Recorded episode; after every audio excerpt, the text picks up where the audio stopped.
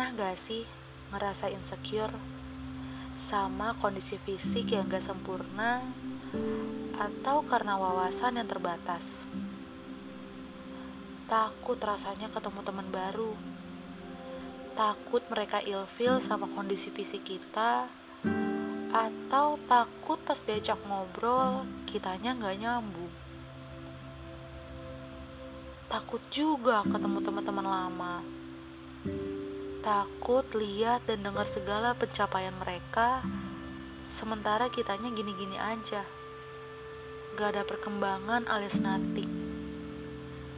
Jadinya malu sendiri.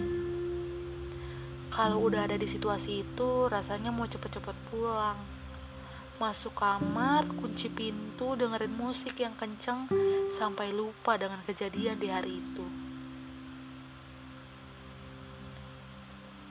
Kadang takut juga, takut kalau nggak diterima dalam suatu pergaulan, atau malah lebih takut kalau diterima.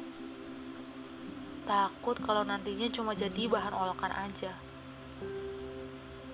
Apa-apa jadi serba takut, gak pede, malu.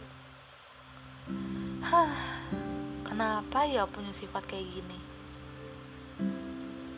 Lama-lama kalau begini terus cuma bisa duduk di kursi penonton dan lihat teman-teman kita yang berkembang dengan begitu hebatnya. Kira-kira apa yang salah ya? Setelah dipikir-pikir, ternyata ini yang salah. Kurang untuk melihat ke bawah lalu menoleh ke kiri dan ke kanan. Karena selama ini hobinya selalu lihat ke atas. Jadinya selalu lihat yang lebih, lebih dan lebih. Padahal kalau lihat ke bawah masih banyak yang lebih kurang daripada kita. Pas lihat ke kiri dan ke kanan pun ternyata sama kok. Banyak yang kayak kita ternyata kita nggak sendiri. Ternyata ini kuncinya, yaitu bersyukur.